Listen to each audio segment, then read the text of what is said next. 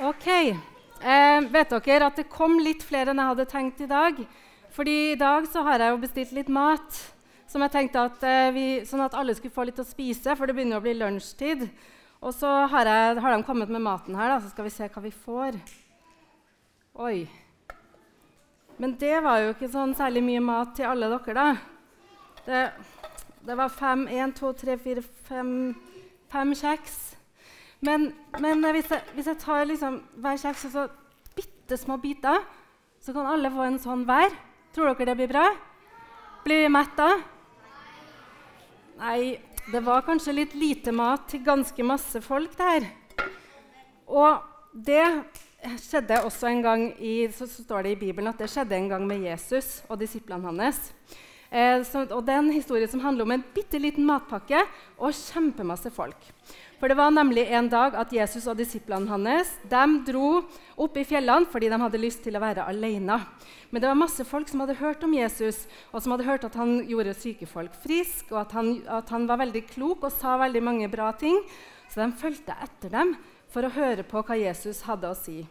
Og Det står i Bibelen at det var 5000 menn der.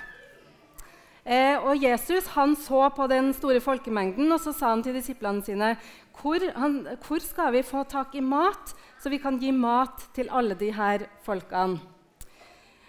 Um, og så sa Andreas, en av disiplene, til um, ja, Den her virka ikke, da. Kanskje jeg bare må gi et hemmelig tegn, så kan dere bla videre på powerpointen min. Eh, så sa Andreas det er en liten gutt her, og han har med seg matpakke. Han har to fisker og fem brød. Men hva er vel det til så mange? Eh, Jesus sa, 'La folkene sette seg ned.' Og så tok han brødet, og så brøt han det i stykker. Og så ba han for det og takka for brødet. Og det samme gjorde han med fisken. Han brøt det i små biter. Og så ba han for det og takka for maten. Og så sa han til disiplene nå skal dere gå og dele ut denne maten til uh, alle de her 5000 menn som sitter rundt her. Og Disiplene de begynte å dele ut mat fra kurven sin. Og gikk rundt og delte ut mat til alle som ville ha. Og det som skjedde da, det var at det ble nok mat til alle folkene som var der. Og sånn ser jo fisk ut i dag, da. Så sånn var det.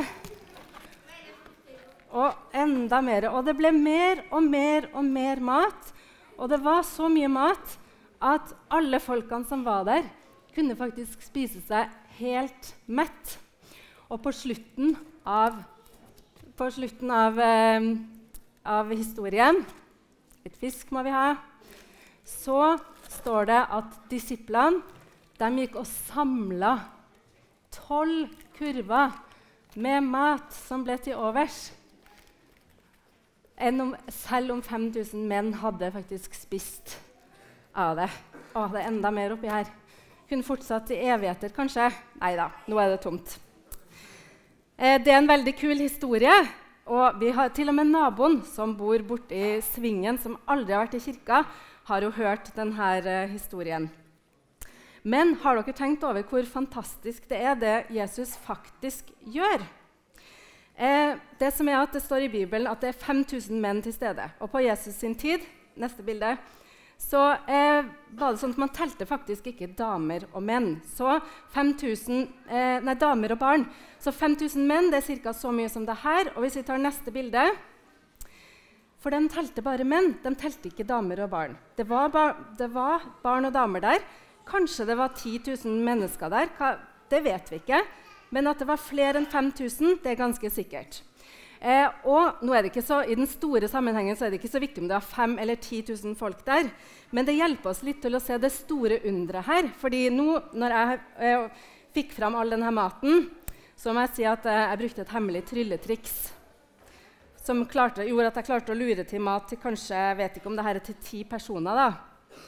Men hvis jeg skulle ha lurt fram mat til alle de folkene her med det hemmelige trylletrikset mitt, da måtte jeg jo hatt sikkert tre lastebiler med mat som hadde kjørt hit. Og hvor skulle jeg gjemt all maten? Det hadde jo vært helt fullt opp på scenen her.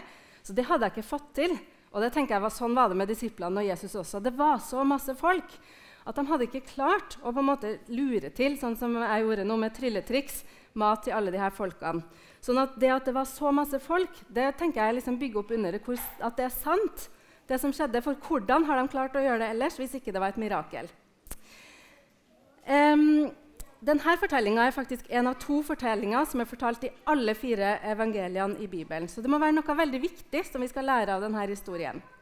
Eh, og jeg tenker at Det er noe vi kan av det, lære av det disiplene gjør, og så noe vi kan lære av det gutten gjør. Så vi kan finne det ut.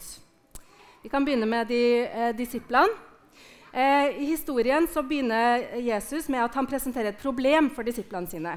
Vi har alle de her folkene, vi har 5 000-10 000 folk, og dere skal gi dem mat.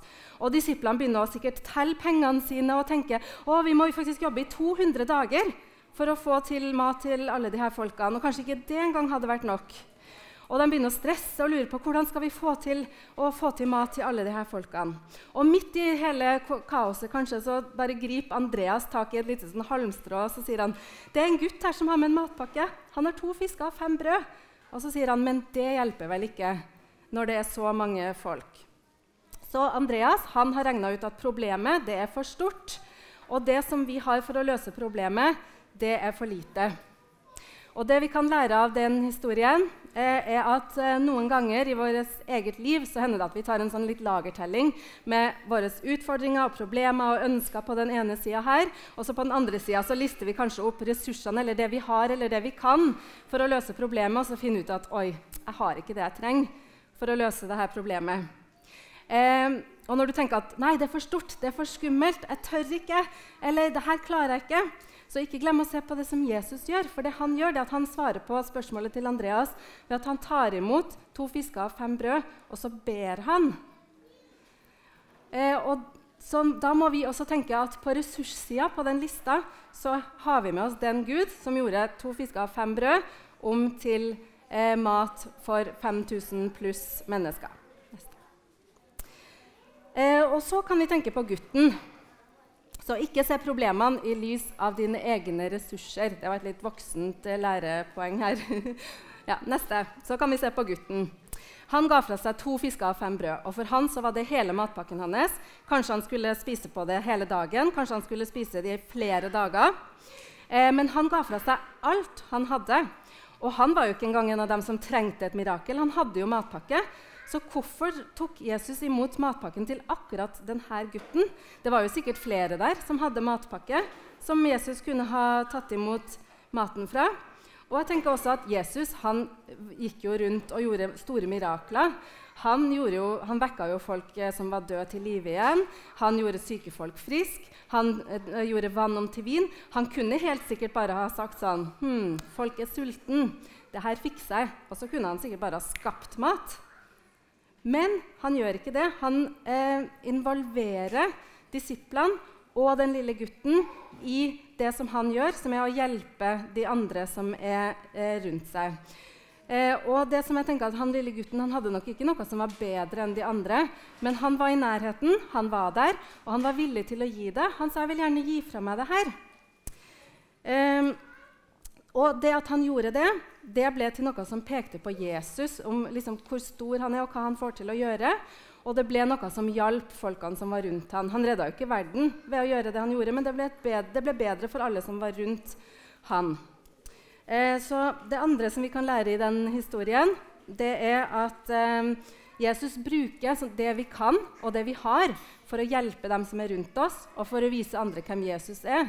Og det eneste du trenger å gjøre, det er å være villig. Så hva vil det si for oss i dag? Fordi Jesus står jo ikke her og lurer på om du har fiska og brød som vi kan gi ut til eh, folk i PK. Eh, men den lille gutten han viste at han hadde noe lite. Han ønska å gi det til Jesus. Eh, og det kan være et bilde på andre ting som vi kan gjøre. Det trenger ikke å være å gi mat. Nå, så når noen har et behov eller en utfordring, eh, som i nabolaget eller i kirka eller på skolen, i familien, så bruker Jesus de som er rundt, sånn som den lille gutten. Han bruker deg til å hjelpe til og til å velsigne som, de rundt deg som har et behov. Naboen som har brekt en fot, men som har en hund som trenger å luftes. Familien som kanskje ikke har nok penger til å kjøpe julegaver. Eh, gutten på skolen som ikke har noen å leke med, eller måter du kan tjene eh, folk i kirka på eh, hver søndag eller på ukedagene mellom. Hvis Jesus skulle gjort alt det, så ville det vært en travel dag for han. Så Derfor så inviterer han oss alle til å delta på samme måte som den gutten og disiplene ble invitert til å delta på det store underet som han gjorde den dagen. Så kanskje du liker å bake, kanskje du er flink til å snakke med folk, flink til å trøste folk, kanskje du liker å snekre, flink til å lage ting. Det handler ikke om å tenke at å, jeg er så kjempeflink til det her, at jeg må gjøre det. Det handler ikke om å liksom se stort på det du kan, eh, men det handler om å gi det til Jesus og så si hvis du kan bruke det, så gjør det. Eh, og på samme måte som, eh, så kan du tjene andre ved å gjøre det på samme måte som den gutten som ga fra seg matpakken. Og Jesus han spør om mat til 5000 menn pluss damer og, barn. Og han tar imot to fisker og fem brød. Og Det sier litt om hvordan Jesus tenker. Han tenker ikke smått om det vi har å komme med, men han tar imot det, og så velsigner han det. Eh, og så Uansett hva du tenker om din matpakke, det du har å, å komme med, det du har å gi til Jesus, så tenker Jesus stort på det.